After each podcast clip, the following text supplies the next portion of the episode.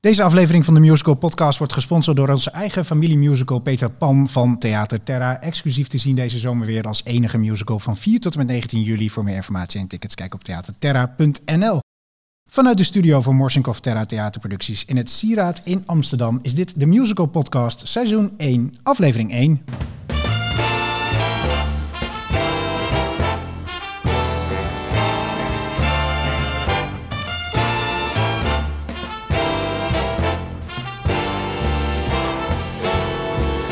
En van harte welkom bij de allereerste aflevering van de Musical Podcast. Hierbij nemen we je mee achter de schermen van de Nederlandse musical. En iedere week spreken we daarom met een uh, vooraanstaande mensen uit de Nederlandse musical. Van acteurs tot regisseurs, van makers tot producenten en van uh, casting directors tot de mensen die verantwoordelijk zijn voor de marketing. Je gaat allemaal van ze horen hier bij de Musical Podcast. Um, iedere vrijdag staat er een nieuwe aflevering voor je klaar. En dat doen we via Spotify en YouTube. En binnenkort zijn we ook nog te beluisteren via Apple en Google Podcasts.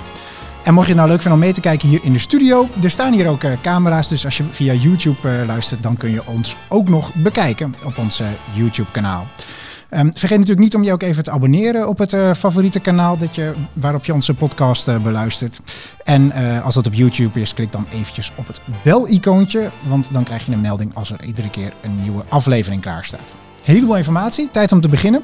Um, als laatste nog, de Musical Podcast wordt geproduceerd door Morsinkov Terra Theaterproducties. En ik ben Michiel Morsinkov, musicalproducent. Nou, het ging heel snel. Wil je nou meer informatie uh, of alle afleveringen terugkijken, dan kun je ook gewoon kijken op themusicalpodcast.nl. Zo, dat was een lange intro, want het is de allereerste aflevering. Tijd om te beginnen met deze eerste aflevering van de Musical Podcast. En uh, wie is onze eerste gast?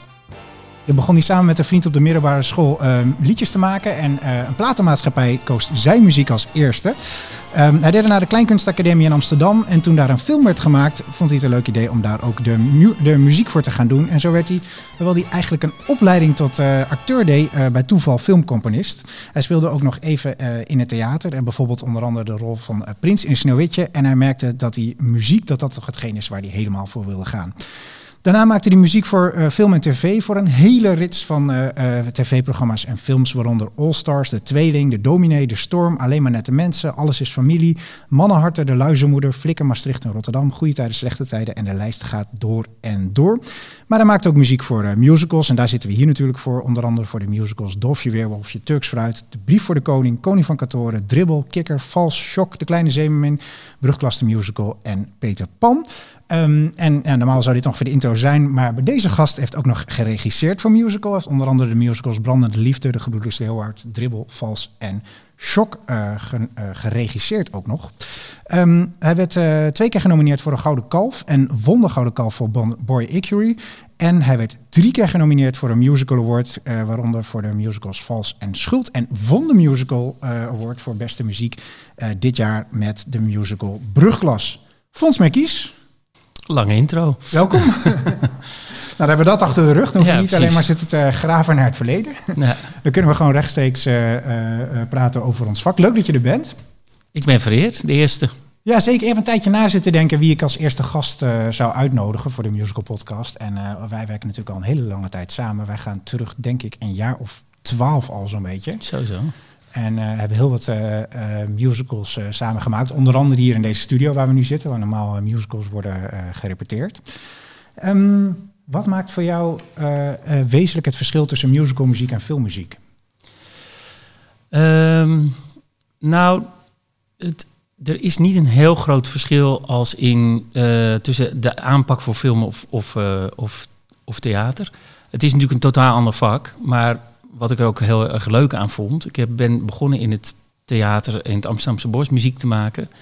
En dat is natuurlijk een openlucht theaterproductie. En het, uh, uh, dat was uh, een toneelstuk eigenlijk met muziek. En dat werd dan muziektheater genoemd. Um, en het fascinerende wat dat goed was aan als, als een opleiding in de praktijk. Voor mij werkte het heel goed dat ik daar eigenlijk heb geleerd dat uh, omdat het in de open lucht was en mensen allemaal lekker wijn hadden meegenomen en pik, het, uh, zagen als een soort halve picknick, merkte ik dat we, ik werd gevraagd en ik voorzag het stuk dan van muziek. En dat, de muziek zat dan vaak bij de changementen. Dus dan zaten daar de liedjes en er werd er tegelijkertijd gechangeerd.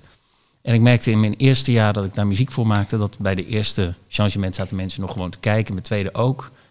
En dan bij derde changement uh, haalden ze hun wijn tevoorschijn, omdat ze merkten dat de code werd gezet van, oh, uh, hier, uh, we kunnen altijd bij de changementen komt de muziek, dan kunnen we altijd even onze wijn pakken.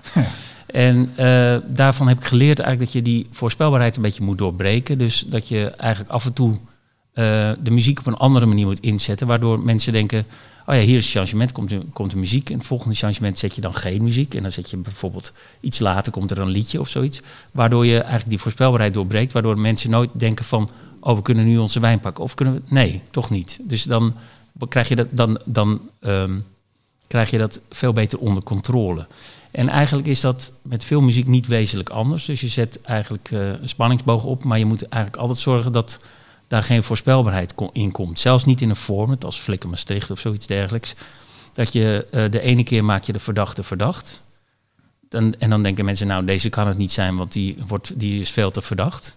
En de andere keer doe je het juist niet. Dus je, je, je, en dat is eigenlijk bij de spanningslijn van theater eigenlijk hetzelfde. Behalve dan dat het grote verschil natuurlijk is dat er uh, in films vrijwel nooit gezongen wordt. Ja. en in, uh, in het theater wel. En het grote, een ander groot verschil is natuurlijk dat um, in het theater ben je er live bij.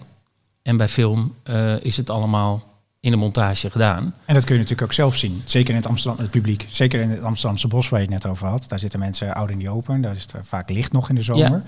Maar, en ik neem aan dat je daar als maker uh, niet altijd, maar regelmatig ook, ook bij bent bij zo'n voorstelling. Zeker, zeker. Maakt dat het anders dan dat, dat je een beetje kan zien hoe het publiek reageert? Nou, het mooie is natuurlijk, en dat vind ik ook het uh, aantrekkelijke van voor beide werelden werken.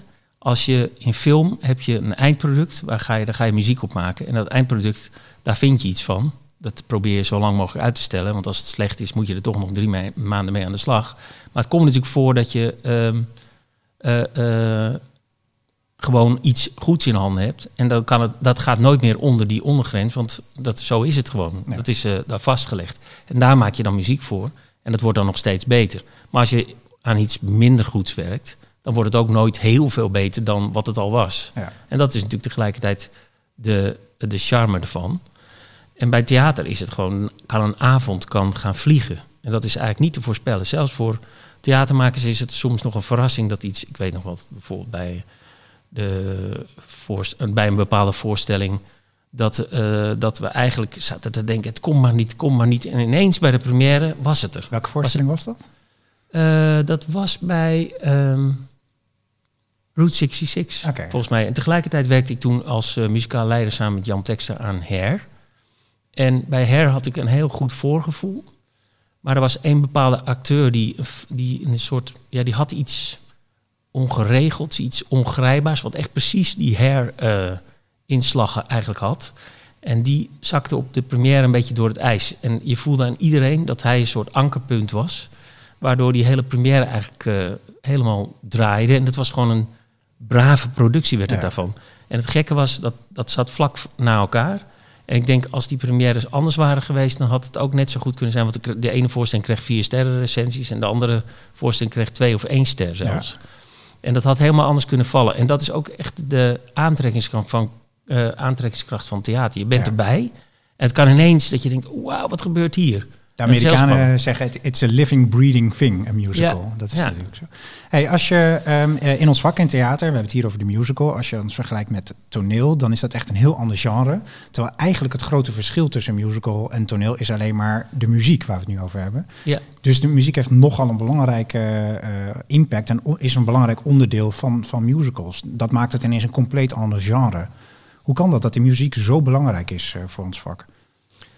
Uh, nou, het is, het is, tegelijkertijd is het een klein verschil, want uh, het is allebei, uh, uh, vindt het plaats op hetzelfde toneel. En, en aan de andere kant is het een heel groot verschil, omdat die muziek, um, kijk, in toneelstukken heb je wel monologen, um, maar die, en dat heeft iets artificieels, maar wat, wat mensen op musicals soms tegen hebben, is dat het heel artificieel is dat iemand ineens gaat zingen. Dat is ja. veel, veel, gehoord, veel gehoorde klacht natuurlijk over musical. Dat is natuurlijk maar één zin, uh, onzin, want het is natuurlijk verbeelding. Dus het is een, een binnenwereld die ineens oorbaar wordt gemaakt. En Eh, wat het grootste verschil is, is natuurlijk dat muziek, en dat is ook wel eens. eh, ik heb een, filmworkshop gedaan waarbij me het uitgelegd is hoe dat soms in Amerika wordt gedaan met, met in scriptfase al. Dat ze eh, alfa- en beta-momenten aanwijzen. Dus informatiemomenten, dat zijn de beta-momenten. En alfa-momenten zijn de gevoelsmomenten. Ja. En die gevoelsmomenten, daar hoort eigenlijk vaak de filmmuziek bij. Ja. En muziek is iets, dat is net als met geur.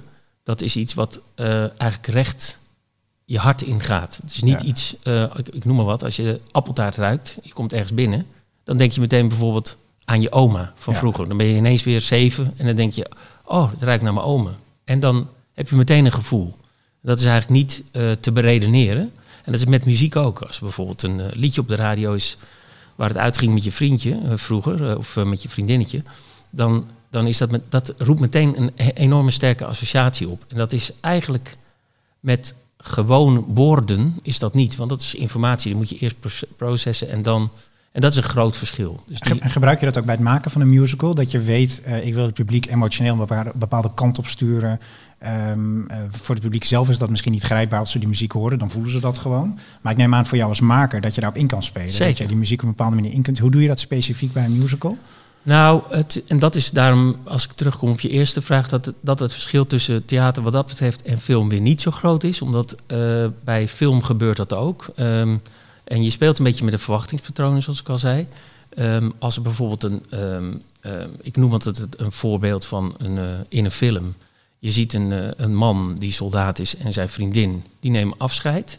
Eh, die hebben een heftige liefdesscène. Ja, dat kan je op twee manieren doen. Je kan bijvoorbeeld de liefde ondersteunen, waardoor je denkt, ach, wat heerlijk hebben ze toch. En dan ga je daarna, blijkt dat dat de laatste keer is dat ze elkaar gezien hebben. En dan komt het hart aan aan je retrospectief. Kan ook met de muziek eigenlijk al eh, de, het noodlot laten horen. Dus je ziet iets wat fantastisch is en je kleurt dat tegen met muziek die noodlottig klinkt. Waardoor eigenlijk, eh, waardoor je op een onderbewust niveau, dat is niet iets wat in je hoofd raar is. Dat, dat, dat pak je als één ding. Maar je denkt dan, je krijgt een gevoel, en dat wordt je door, eh, gestuurd door de muziek, krijgt het gevoel van, oh dit gaat helemaal mis, oh ze hebben het zo mooi, maar dit gaat helemaal mis. En die sturing, die probeer je eigenlijk, dat doe je in film, maar dat doe je in theater eigenlijk ook. Dus ook bijvoorbeeld in een song kan je, eh, kan je tegen de tekst ingaan, of met de tekst mee, of met het gevoel eh, mee en dan eh, met de tekst mee, dat kan allebei. Dus het vraagt eigenlijk ook specifiek voor een musical, die nog niet vast ligt als die gemaakt wordt, om een hele diepe analyse van het script. Om precies te kijken, wat is het verhaal dat verteld wordt, waar zitten we in dit verhaal? Ja, het is eigenlijk gewoon dramaturgie. En, en trek je daarin samen ook op met de schrijver eh, van de voorstelling? Of krijg je iets zo op, eh, op scriptniveau? Ik moet erbij zeggen, sommige van dingen, deze dingen weet ik al, omdat wij samen voorstellingen Ja. maken. Maar die wil ik eh, natuurlijk hier ook eh, eh, aan je vragen. Ehm, dus hoe gaat dat, die ontwikkeling? Er wordt een voorstelling geschreven, of er is een voorstelling die in het buitenland is geschreven, en jij gaat daar muziek voor maken. Hoe, hoe werkt die samenwerking? En hoe krijg je dat verhaallijn zo helder dat je weet wat voor soort muziek bij een bepaalde scène hoort? Ja, dat is eigenlijk heel verschillend. Dat, is, eh, dat hangt er vanaf in welk eh, stadium je betrokken wordt. Soms eh, ben je al betrokken bij, bij het helemaal bij het begin, dat het script, dat je daarin mee, tenminste ik vind dat altijd leuk om daar mee over te brainstormen. Ehm, maar vaak krijg je ook een afstuk en ga je daar zelf je, de, in combinatie met de regisseur of de regisseur en de tekstschrijver, ga je daar dus weer lijnen in aanbrengen Ja. die... eh, maar voor, voor, soms is het ook, volg je de lijnen die de schrijver heeft opgezet.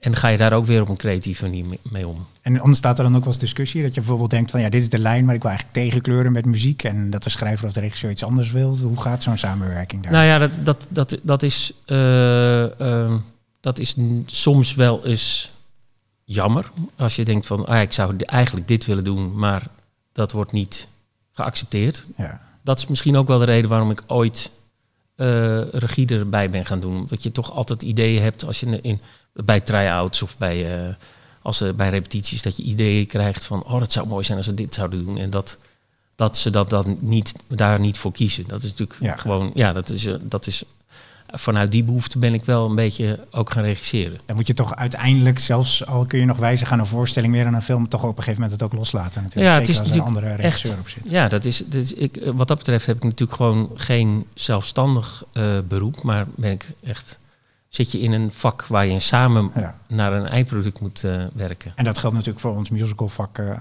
als geen ander eigenlijk. Dat is echt, eh, soms zien mensen misschien tien of twintig mensen op het toneel staan, maar dan hebben er soms wel honderden mensen meegewerkt aan, Zeker. aan zo'n voorstelling. En ik hoop dat die allemaal hier een keer langskomen bij de musical podcast. Dan krijgen ze allemaal een keer te spreken.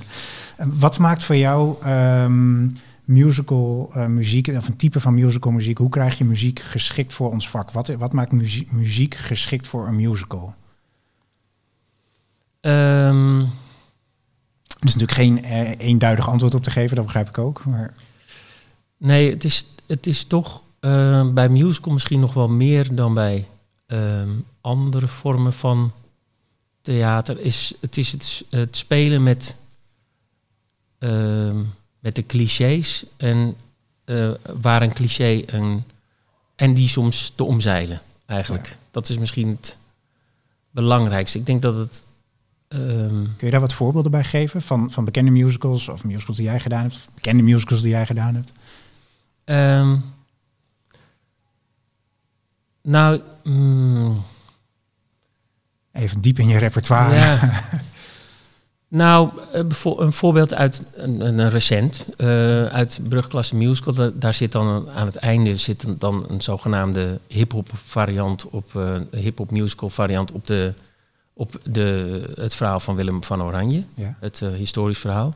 En ja, dan, dan, dan is zeg maar bij mij mijn, mijn dat denk ik, ja, dat moet toegankelijk zijn, want het is wel de hip-hop, eh, die, die, eh, die die maken dat dan zogenaamd zelf. Dus het moet een soort van herkenbaarheid hebben. En dacht ik, nou, dan speel ik met het idee van die hip-hop natuurlijk, die hip-hop beats en ook de.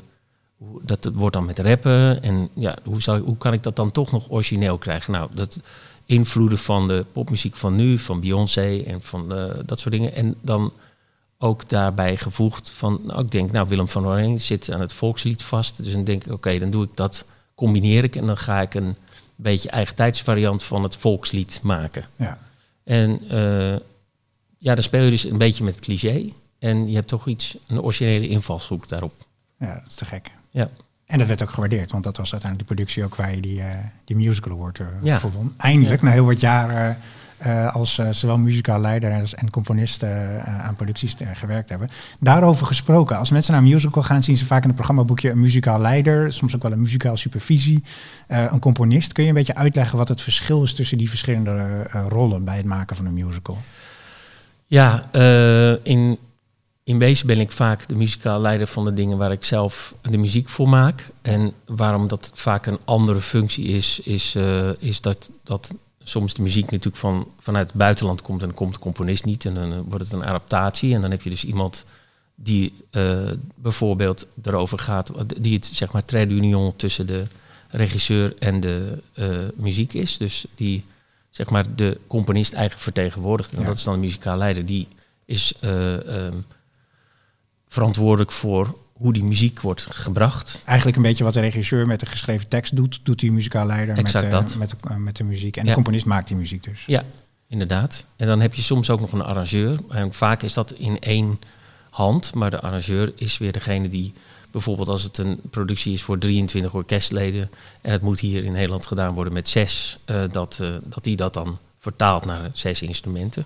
Dat is de arrangeur. En die werkt dus uit dan wat, eh, wat elk instrument gaat spelen Ja. uiteindelijk. En die maakt bijvoorbeeld een, een kleinere versie. Die denkt, oké, dan geef ik dit ook nog aan de gitaar en dan geef ik dit aan de Ja. klarinet, om het zo maar te zeggen. En, eh, en, dan, en soms doe je dat dus ook zelf. Als je zelf de muziek componeert, dat je al die rollen eigenlijk zelf vertegenwoordigt. En dan ook, eh, omdat dat redelijk vaak de muziek ook nog eens een keer op band staat, dan produceer ik het ook nog. Dus dan neem ik de muziek op in de studio. Nou zijn er, eh, eh, eh, aan het begin noemde ik heel wat musicals die je gedaan hebt. Een aantal daarvan ook bij ons, bij Morrison of Terra. Veel van die musicals zijn ook op een jong publiek gericht. Op kinderen, families, jongeren. Maar je hebt ook, nou, je noemde net bijvoorbeeld Hair, Route 66, veel musicals voor een volwassen publiek gedaan. Zit daar in je aanpak daarvan voor de muziek een, een wezenlijk verschil in? Gaat, is wat is daar het grote verschil in? Of misschien wel niet zelfs? Ehm, ik probeer dat niet, omdat ik. ehm, ik denk, ik heb ook bijvoorbeeld opera voor kinderen gemaakt. Ja. Ehm, en ook opera's voor volwassenen overigens. Maar Ehm, ik dacht, ja, je hoeft eigenlijk niet zo'n knieval te doen naar kinderen of naar de jeugd toe, omdat het.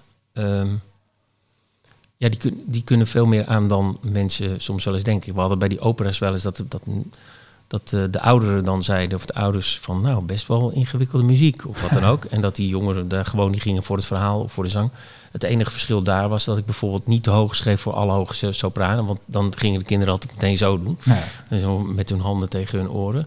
Ehm, en bij musical is dat in wezen niet anders. Het is natuurlijk wel zo dat je dat je, je bedient van het jargon wat, eh, wat zij kennen als dat aan de hand is. Bijvoorbeeld in het geval van wat ik net noemde bij Brugklas... is het leuk om met die elementen uit de popmuziek te spelen. Ook omdat dat, ja, dat is hun, hun wereldje Ja. eh, van, van de cast op het toneel, zeg maar. Van het, van het verhaal ook. En van het publiek neem ik aan ook. En van dat publiek ook, ja. Want Ja. hoe belangrijk is, er, is het dat het publiek zich kan herkennen in de stijl van een voorstelling? Nou, dat is al wat ik, wat ik al zei. Ik denk dat, dat dat een beetje onbewust gaat, maar dat je toch een beetje ook met de clichés speelt. En net als je dan denkt, oh, het gaat nu, nu die kant op, dan probeer je Ja. een andere afslag te nemen. Dat vind ik altijd leuk. In, ehm, en voor volwassen musicals geldt vaak, en, zeker bij musicals op Broadway, dat er een heel specifiek patroon is. En nu komen we eigenlijk een beetje op de, op de musical-theorie te praten, maar voor de muziek.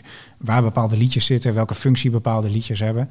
Ehm, is dat iets eh, wat jij ook volgt? Of heb jij een reden dat je daarvan afwijkt? En, ehm, en kun je misschien ook iets over vertellen over, over hoe dat patroon in elkaar zit? Of hoe jij werkt met wat jouw patronen zijn? Nou, het is, ik, het is eigenlijk net, ik heb eh, bijvoorbeeld eens een scenario cursus gedaan. En dan, dan dat, dat, dat is het gekke, het lijkt dan soms ineens heel ingewikkeld, omdat er een theorie achter zit. Ja. En dan blijkt, al- altijd als je het een beetje gaat analyseren, dat je die theorie eigenlijk ook wel een beetje toepast, omdat het gewoon het beste werkt. Ja. Snap je? Dus het is een. eh, ehm, je, je, je volgt het. Of, en het is natuurlijk vaak al uitgestippeld door de schrijver, hè, want die, die, bepaalt, de, die plaatst bepaalde songs om, om bepaalde reden Ja. ook in, op dat moment in het stuk. En soms kies ik ervoor om bewuster tegen in te gaan in de kleuring van de muziek. Bijvoorbeeld dan denk je van, dit zou eigenlijk een ballad kunnen zijn. En dan kies je ervoor om het niet te doen. Ja. Maar eh, dramaturgisch doet, geeft de tekst natuurlijk aan waar, hoe, hoe de muziek zal zijn. Dat En is toch... Kun je iets vertellen over hoe dat patroon ongeveer in elkaar zit? Zijn er bepaalde liedjes, bepaalde dingen die je eigenlijk altijd gebruikt bij jou? Ik neem aan, je hebt de finale altijd aan het eind. Maar zijn het voor jou terugkerende elementen in? Of kijk je echt alleen maar per voorstelling naar hoe het script eh, geschreven is? Eigenlijk probeer ik dat wel te doen. Ik denk, en dat is ook een beetje. ehm, eh, ik, ik, ik, ik ken die theorie wel. Ehm, ik weet de, de I Want song of de, de weet je, dat, dat zijn van die dingen die eigenlijk altijd wel weer terugkeren. Dat is even voor toelichting voor mensen die niet weten wat het is. Kun je daar iets over, heel kort over zeggen? Wat Nou, dat is mag jij doen? Dat is een liedje aan het begin van de voorstelling waarbij de hoofdrolspeelster, meestal een vrouw, eigenlijk aangeeft waar ze naartoe wil. En dan kunnen we als publiek met haar mee. Hè? Dus dat Ja. en, eh, bijvoorbeeld eh, eh, Part of Your World in The, in The Little Mermaid is ongeveer het bekendste voorbeeld daarvan. Ja, Is dat iets, maar neem aan dat dat ook gestuurd moet worden door dat het in tekst, dat het in het script moet staan. Maar is dat iets wat je, wat je volgt, wat je, wat je bijvoorbeeld, eh, dat je zegt, nou dat zit er eigenlijk altijd in? Of juist een, een ander type liedje? Wel, Is er iets voor jou, zeg maar, zit er een structuur in het maken van zo'n musical eh, die je vaak volgt? Dat is eigenlijk waar Nou, ik naartoe wil. laat ik het zo zeggen. Het is. ehm, je moet je er niet tegen verzetten. Ik bedoel, Ja. het is een. ehm, het, het kan een fundament zijn om. eh, om je huis op te bouwen. Maar ik vind ook dat je. Dus als je ervan afwijkt, moet je goede reden daarvoor hebben. Ja. Hè, want, want je moet. eh, je helpt jezelf als het. eh, als een fundament goed is om het huis op te bouwen. Ja. En op het moment dat je daarvan afwijkt, dan moet je goede reden hebben om dat te doen. Dus Ja. het is. ehm, ja, daarom noem ik dat, dat net al. Van, het thea- van een, eh, je moet gewoon goed de spanningsboog van iets in de gaten houden. En die. ehm, het, het, het lijkt soms een beetje kinderachtig dat je denkt van ja, we maken al die dingen volgens een bepaald stramien. En dan kan het soms ineens niet werken. Omdat je denkt van ja, dat is wel heel braaf en schools gedaan. Eh, want ja, om, om maar iets te noemen, de, je hebt ook zo'n hele eh, eh, een stijl dat er een, altijd een comic relief in een musical zou moeten zitten, weet je wel? Dus dat altijd de, de comic relief is dus degene die dan even voor wat lucht zocht, voor wat humor. Ja. Ja, dat blijkt dan in wat modernere musicals eigenlijk helemaal niet nodig te zijn. Dus Waarom worden- Nou, omdat het gewoon, dat is precies zo'n zo'n ding. Dat is dan even een, een eh, ja, dat, dat, dat wordt dan een paar, paar keer succesvol gedaan. En dat wordt dan getheoretiseerd als in, nou, daar moet dus altijd de comic relief in zitten.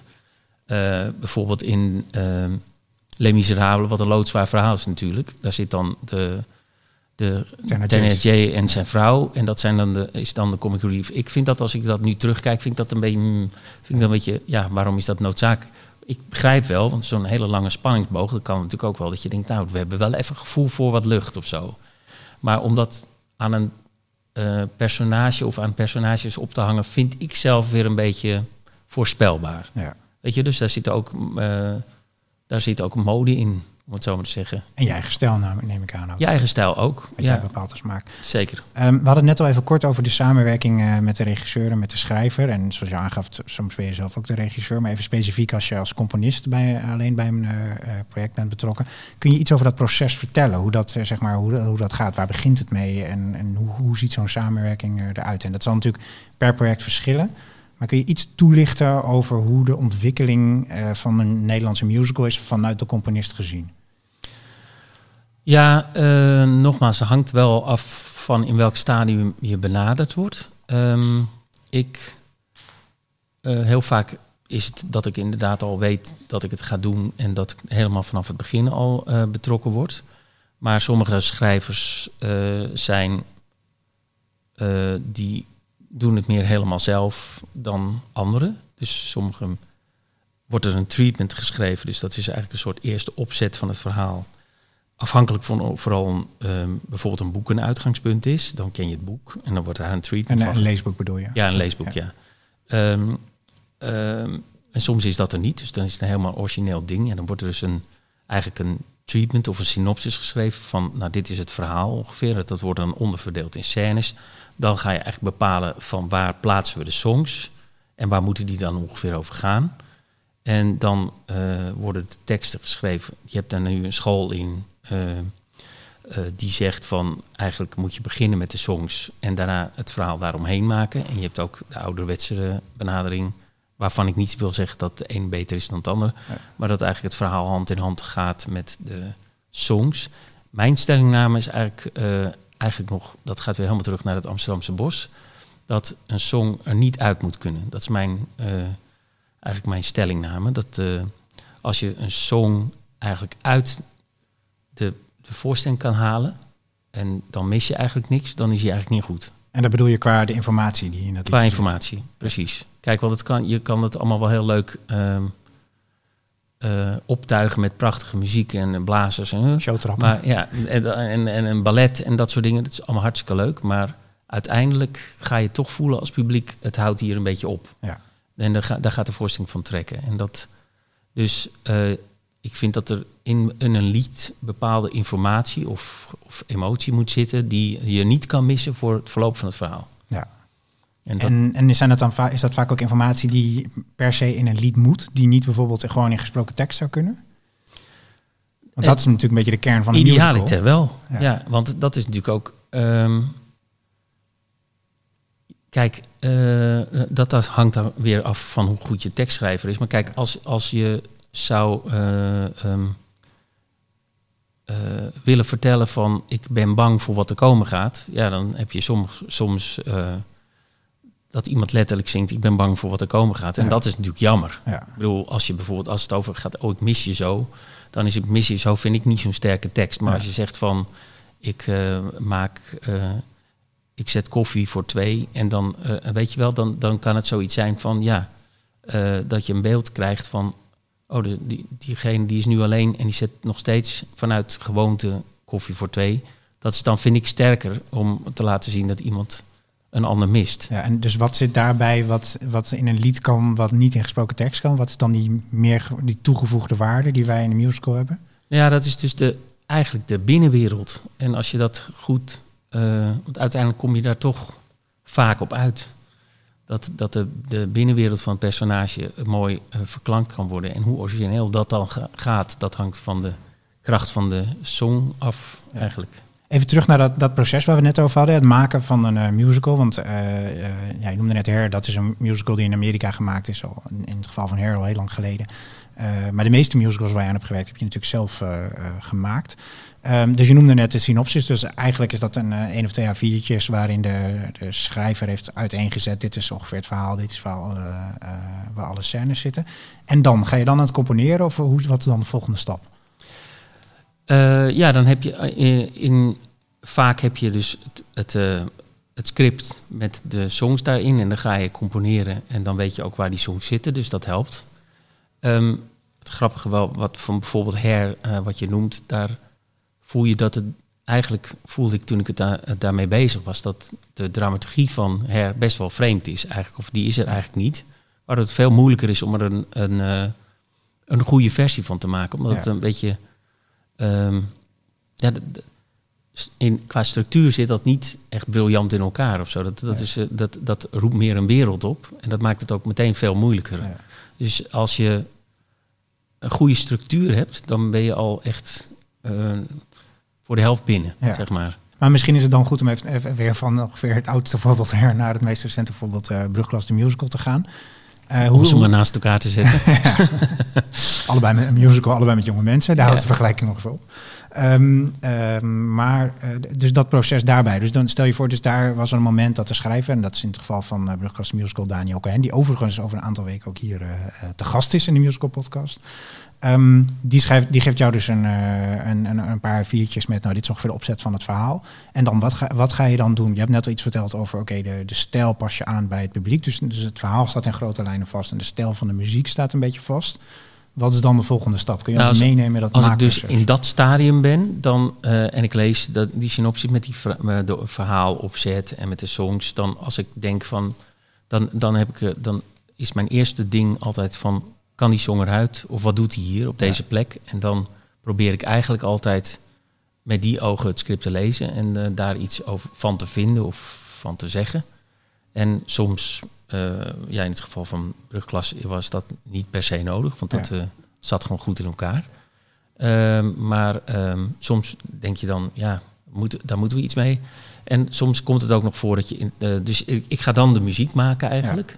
Nou, dan komt de, de, de volgende fase dat je dat dan gaat arrangeren. En dan heb nog je even terug naar, want ik ben gewoon heel benieuwd naar, zeg maar, een beetje, een beetje bloot te leggen, jouw vak, hoe je dat doet. Dus dan, uh, je hebt in je hoofd de stijl, je hebt in je hoofd het verhaal, je hebt goed gekeken naar wat je net noemde, heeft elk liedje in de voorstelling een bepaalde duidelijke functie, kan dat nog beter? Um, en, en, uh, maar dan er staat er nog geen noot op papier. Dus ga je dan, hoe, waar haal je inspiratie vandaan? Hoe, ga je, hoe, hoe, gaat dat, hoe ziet dat eruit? Is het uh, echt een componist die op een zolderkamertje achter een pianootje zit en maar wat probeert? Of heb je een, een, nou, het is, het in je hoofd op? Het is eigenlijk een ehm, eigenlijk, ik, ik ga dan heel erg uit, maar dat, dat is verschillend. Hè? Ik, ja. ben, uh, ik ga heel erg uit van de tekst. Dus ja. ik begin eigenlijk altijd begin, begin ik met het ritmiseren van de tekst. Dus ik ga die tekst lezen en dan uh, lees ik hem voor mezelf. En uh, vaak heb ik, heeft de, bijvoorbeeld in het geval van Daniel, die, die dat altijd trouw doet, die leest de tekst helemaal, uh, spreekt die in op mijn antwoordapparaat.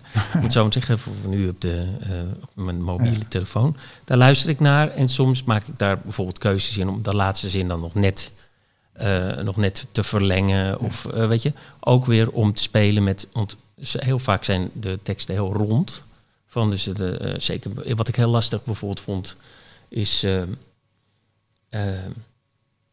teksten van een bepaalde tekstschrijver die gewoon heel erg gewoon een heel duidelijk dwingende vorm hebben. Ja.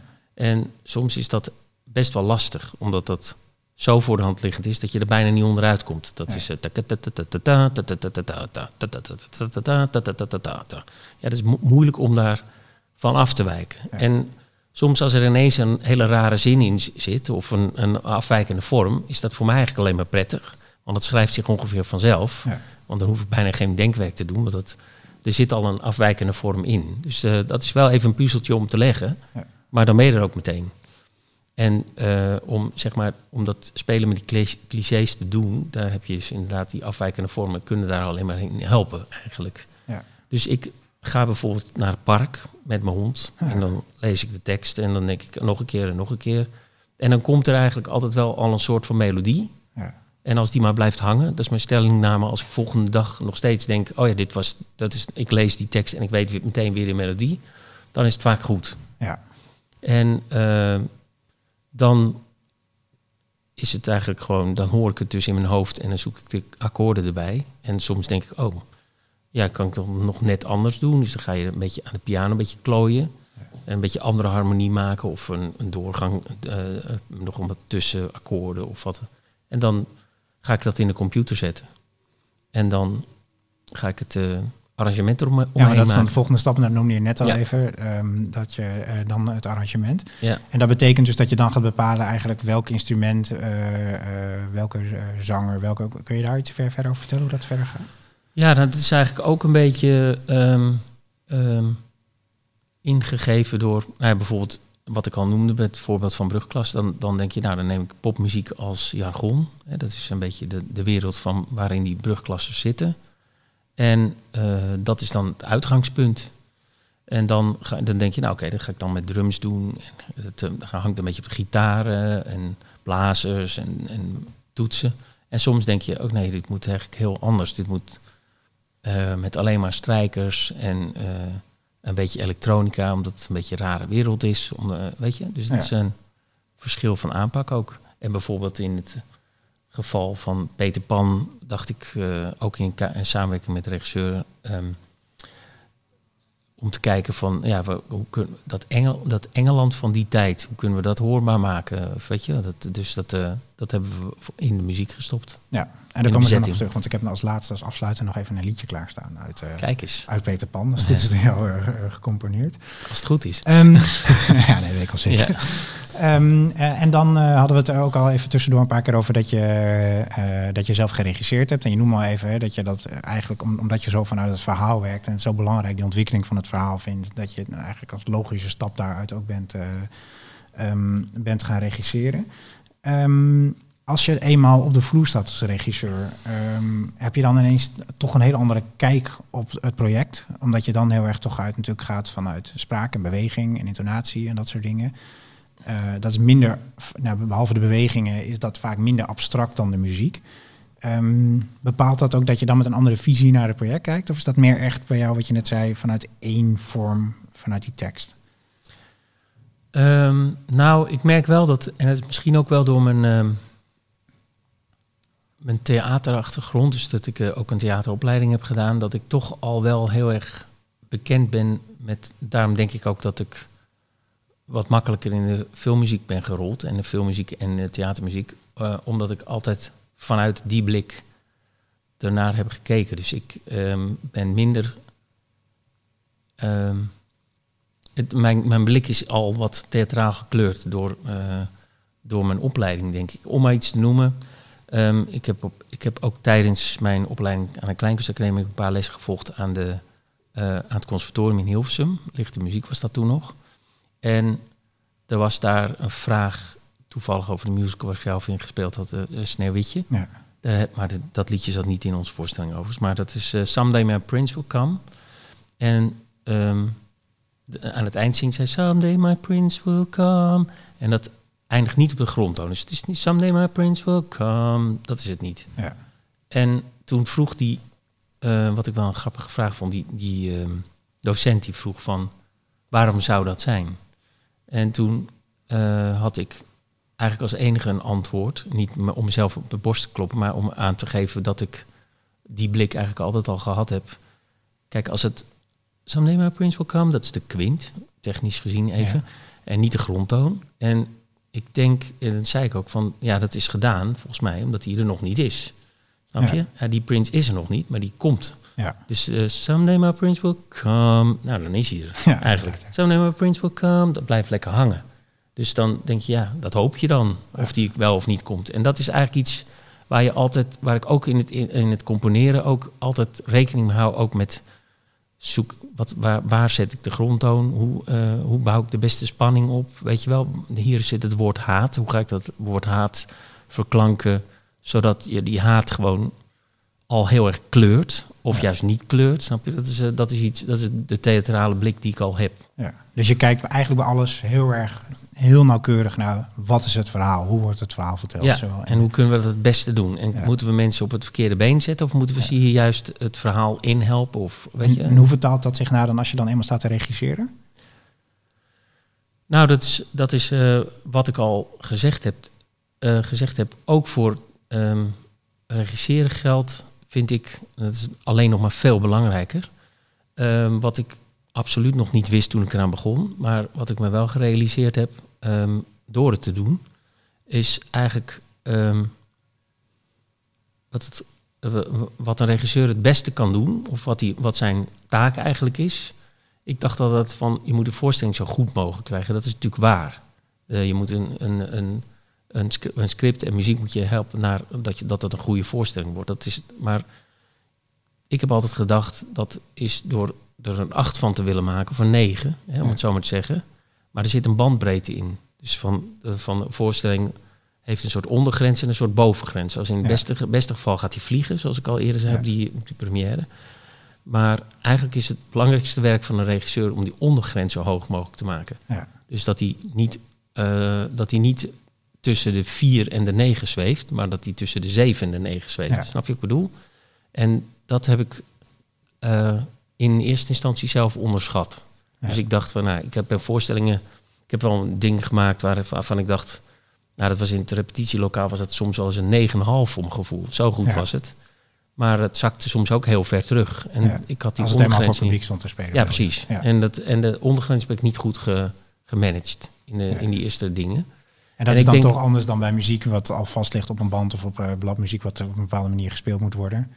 Dat Zeker. het spelen van acteurs dan minder vast ligt, bedoel je? En dat Ja, dat- daardoor... Dat, en, en eigenlijk, maar je kan dat wel goed helpen. Hè? Dus, Ja. dus ik denk, de, eh, voor mij zijn dan wat dat betreft in, in het regisseren ja, twee dingen eigenlijk het allerbelangrijkst.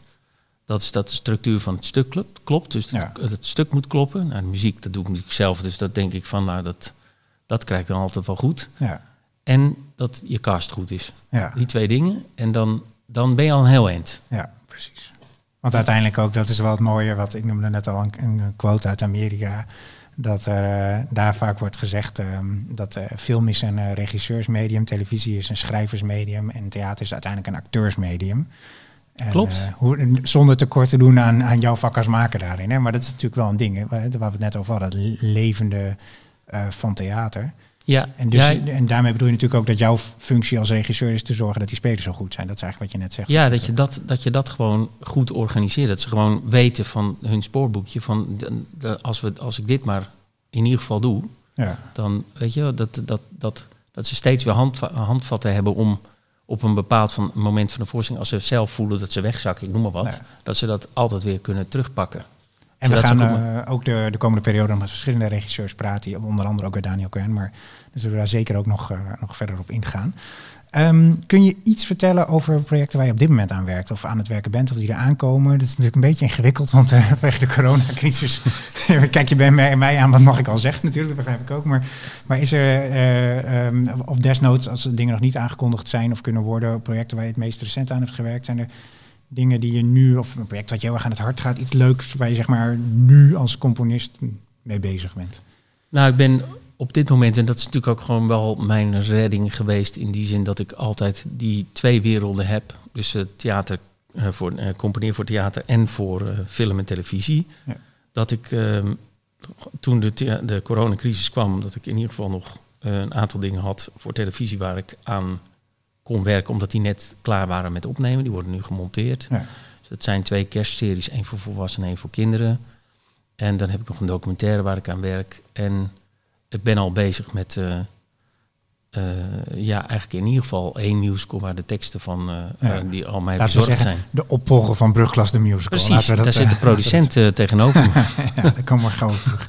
ik heb zo nog één laatste vraag aan je. Ehm, maar ik dacht, we draaien normaal geen muziek hier op de podcast. Maar als jij het goed vindt qua rechten, draaien we één liedje uit, uit Peter Pan. Ja? Dan krijgen we meteen een, een claim op YouTube. Maar dat we dan wel weer.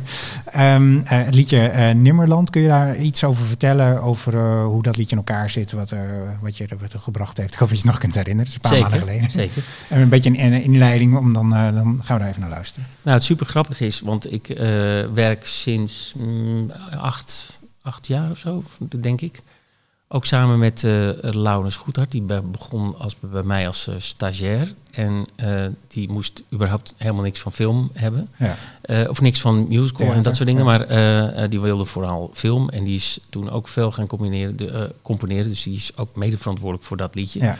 Dus um, ja, dat is eigenlijk ook weer hetzelfde. Het is ritmiseren van de tekst. En dan en vooral de accenten plaatsen waar ze moeten plaatsen. En ook zeg maar in de melodie ook dat het Nimmerland een, iets is waarnaar je verlangt. En waar, waar zit het ongeveer in de voorstelling? Uh, wel ergens in het begin. Dus als ze naar Nimmerland toe ja, gaan. Zullen we er gewoon even naar luisteren? Ja, zeker. Nimmerland. En de teksten zijn van Mark Veerkamp overigens. Uit de musical eh, Peter Pan van Theater Terra. Met dus muziek van Fons Mekkies en Laurens Goedhart.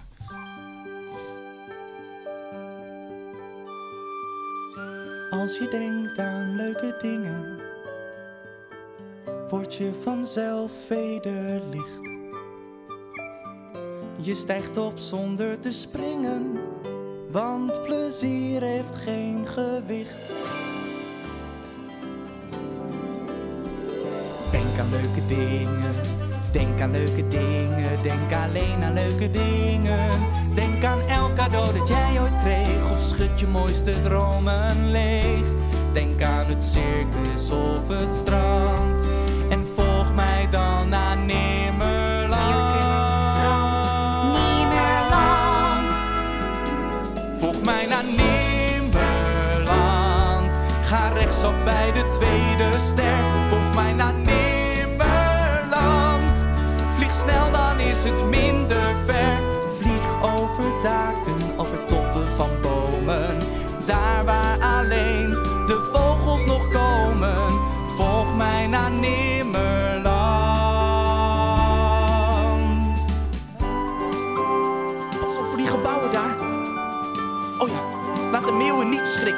worden zo snel boos. Auw! Oh ja, niet te hoog vliegen, anders brand je aan de zon. Denk aan leuke dingen, denk aan leuke dingen, denk alleen aan leuke dingen. Denk aan elk cadeau dat jij ooit kreeg, of schud je mooiste dromen leeg. Denk aan het circus of het strand, en volg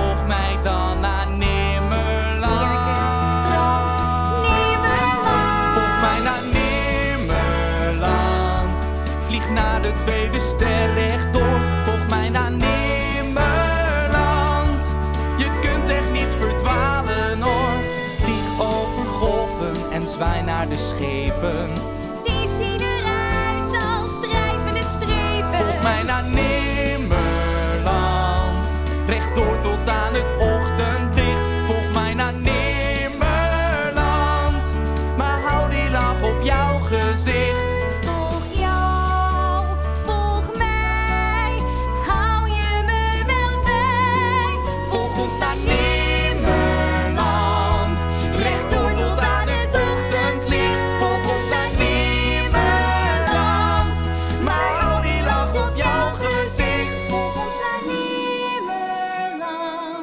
Dat was de cast van uh, Peter Pan van Theater Term in Nimmerland. Met dus muziek voor jou. Um, als allerlaatste, en dat is eigenlijk een vraag die we, waar we elke uh, aflevering van de Musical Podcast mee uh, af gaan sluiten. het is nu 2020. Um, ehm, als we tien jaar verder zijn en het is 2030 dan inmiddels, hoe denk jij dat dan de Nederlandse musical eruit gaat zien? Wauw, dat is een moeilijke vraag. Um, nou, jeetje als ik, uh, als ik met een, een, zwarte blik ernaar kijk, dan, uh, dan denk ik van, nou, de, het, de signalen dat cultuur hooglijk wordt gewaardeerd zijn niet echt al te hoopgevend. Maar ik denk toch dat. Uh, ja, ik heb daar toch wel een goede hoop op. Ik denk dat. dat, dat ik denk het niet, maar ik hoop dat, dat het musicallandschap dan nog bloeiender is dan nu. En dat er gewoon veel mooie producties te zien zijn die ook inhoudelijk wat verder gaan dan, uh, dan de, de Grease en de, de Hairs die dan voor de zoveelste keer van stal worden gehaald. Ik, denk, ik hoop op meer origineel uh, Nederlands repertoire. Goed antwoord. Hey Fons, dankjewel. Superleuk dat je te gast wilde zijn bij de allereerste editie van de Musical Podcast. Heel graag gedaan. En um, ja, te gek dat je er was. Dankjewel. Heel interessant om met je te praten. Volgende week dan zijn we er weer. Dan zit hier uh, Chiara Re, choreograaf. Dus daar gaan we het over dans hebben. dat Leuk. lijkt me een goede volgorde. Eerst de muziek, dan de dans. Ja. Ehm, dus nogmaals dank en jij ook bedankt voor het luisteren. Dit was aflevering 1 van het eerste seizoen van de Musical Podcast. Tot volgende week.